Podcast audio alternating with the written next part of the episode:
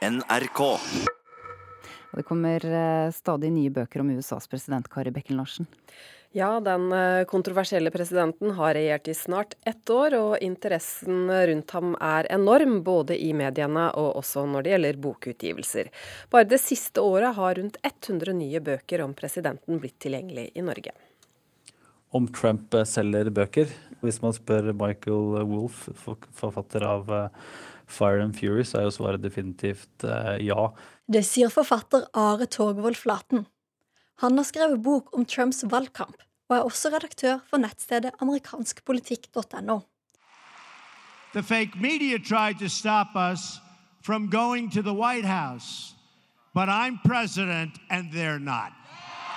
Det sa Donald Trump i juli, da det var snakk om hans eget begrep falske nyheter. Interessen rundt Donald Trump er enorm. I 2017 ble han omtalt over 70 000 ganger i norske medier. USAs president Donald Trump. Donald Trump har President uh, Trump. Men uh, først. I nye oppsiktsvekkende twittermeldinger forsvarer Donald Trump seg selv. Men det er ikke bare i Dagsrevyen at Trump ofte omtales. Et søk på nettbutikken bokkilden.no viser at det er kommet rundt 100 nye bøker om han bare det siste året.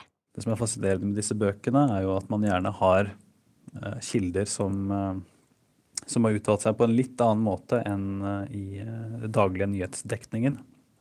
Så man får muligheten til å bli med litt på innsiden og få høre litt hva som egentlig skjedde. Men det er jo nettopp det at han er såpass ukonvensjonell. Han gjør ting på helt egne, helt nye måter. Ratna Elisabeth Kamsvåg er høyskolelektor og retoriker hos BI. Hun tror interessen rundt Donald Trump er så stor fordi han har en egen måte å kommunisere på. På et vis da mer sånn direkte tilgang til det han tenker, i større grad enn man kanskje har sett med tidligere presidenter som, har, som i større grad lener seg på strategiske rådgivere, f.eks. Den norske statsministeren Erna Solberg skal snart møte presidenten.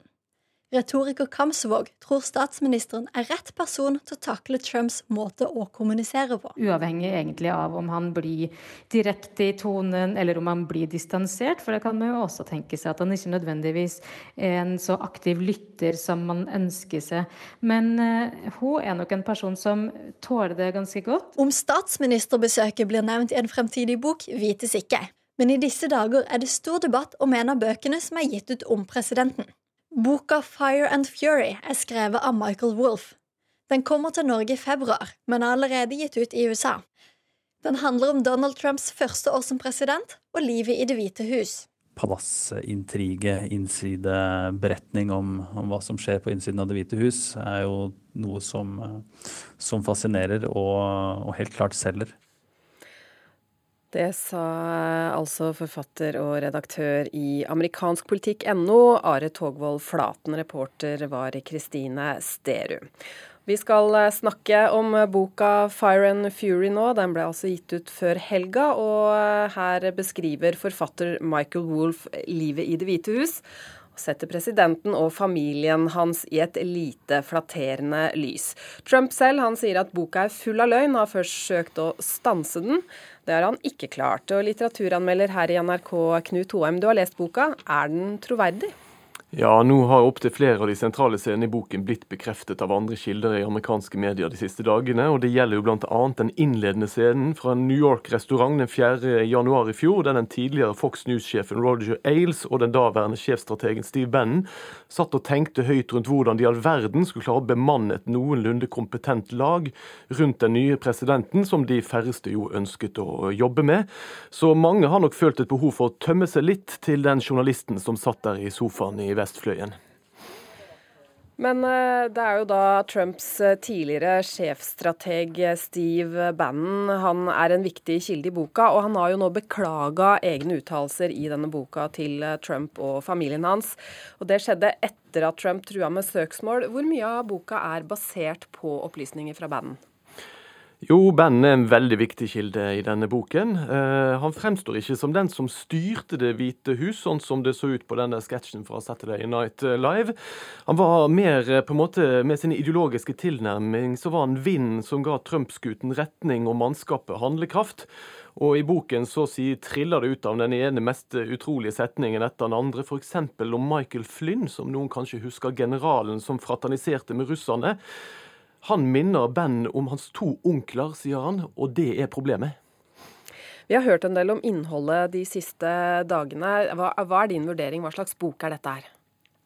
Bokens store styrke ligger i en følelse av samtidighet, at vi føler at vi er midt i det som nettopp har skjedd.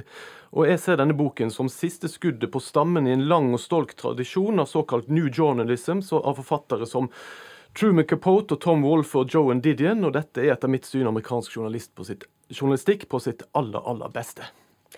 Handler det mest om eh, detaljer fra privatlivet til eh, Trump-familien, eller eh, er det mest politikk? Ja, Det går jo nettopp ikke an å skille da i denne her historien. De lever jo i et slags symbiotisk forhold, familie og tillitsvalgte, selv om det stadig stadige maktkamper mellom de. Men også mediene lever jo i et symbiotisk forhold med politikken her. Altså Steve Bannon kom fra det ytre høyre-nettstedet Breitbart, og Trump lente seg på støttespillere som Robert Murdoch og Roger Ailes i Fox News. Og også Michael Wolff, forfatteren her, virker på en merkelig måte sauset inn i denne cocktailen av New Yorks økonomiske og mediale establishment som nå styrer i Det hvite hus. Så kommer boka på norsk i slutten av februar. Er det ei bok du vil anbefale? Ja, absolutt. Nå er jo syv norske oversettere i gang med å oversette den, sånn at får den, de får den ut til slutten av februar. Men jeg må si at jeg har hatt stor glede av å studere det mangfoldet av engelske adjektiver og diminutiver som Michael Wolff har tatt i bruk for å skildre dette mildest talt fargerike persongalleriet som for tiden bor i Det hvite hus. Takk skal du ha, Knut Hoem. Og det blir mer i, eh, om denne boka i det nye programmet Åpen bok, som starter i P2 i morgen skal videre til eh, deg, reporter Caroline Tolfsen. Boka om Trump, for, den, for boka om Trump den har gitt en annen forfatters ti år gamle bok økt salg. Hvilken bok dreier dette seg om?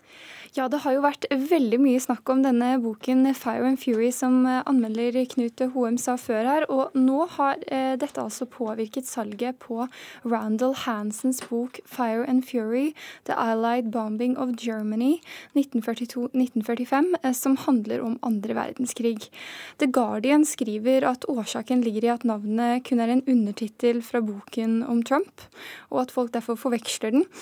Eh, og til The Guardian så sier Hansen at jeg har ikke sett denne graden av interesse siden boken min første kom ut. Så mange har altså for bare forveksla disse bøkene? Ja, eh, det ser sånn ut. Eh, til The Guardian så sier Hansen at det har kommet noen Twitter-meldinger fra folk som er litt irriterte etter at de har kjøpt denne boken i stedet for boken om Trump. Og han sier han ikke kan forstå at folk har forvekslet bøkene. Over til noe annet. I går var det pressekonferanse der eh, nominasjonene til Spellemannsprisen ble presentert. Og eh, det er en av eh, tingene avisen er opptatt av i dag. Ja, det stemmer. Flere av avisene i dag omtaler nominasjonene og trekker frem bl.a. hiphopartisten Cezinando, som fikk aller flest nominasjoner i går. Han er nominert i kategorien Årets låt, Årets urban, Årets album og Årets tekstforfatter. Og det er altså låten 'Håper du har plass', som var en ganske stor del av Skam-universet siste sesong i fjor, som er nominert til Årets låt. Og de nettopp begynt å øse. Så jeg håper du har plass, jeg håper du har plass til meg igjen. Om så bare en madrass som kan leve Ja, det er altså Cezinando vi, vi hører her. Hvilke andre artister ble nominert til priser i går? Ja, den listen er lang, eh, men en som er nominert til hele tre priser, er artisten Sigrid Solbakk Råbe. Hun er best kjent som bare Sigrid, eh, det er artistnavnet hennes. Hun ble nominert til Årets nykommer, Årets popsolist og Årets låt for låten Don't Kill My Vibe, som ble en ganske stor hit i fjor.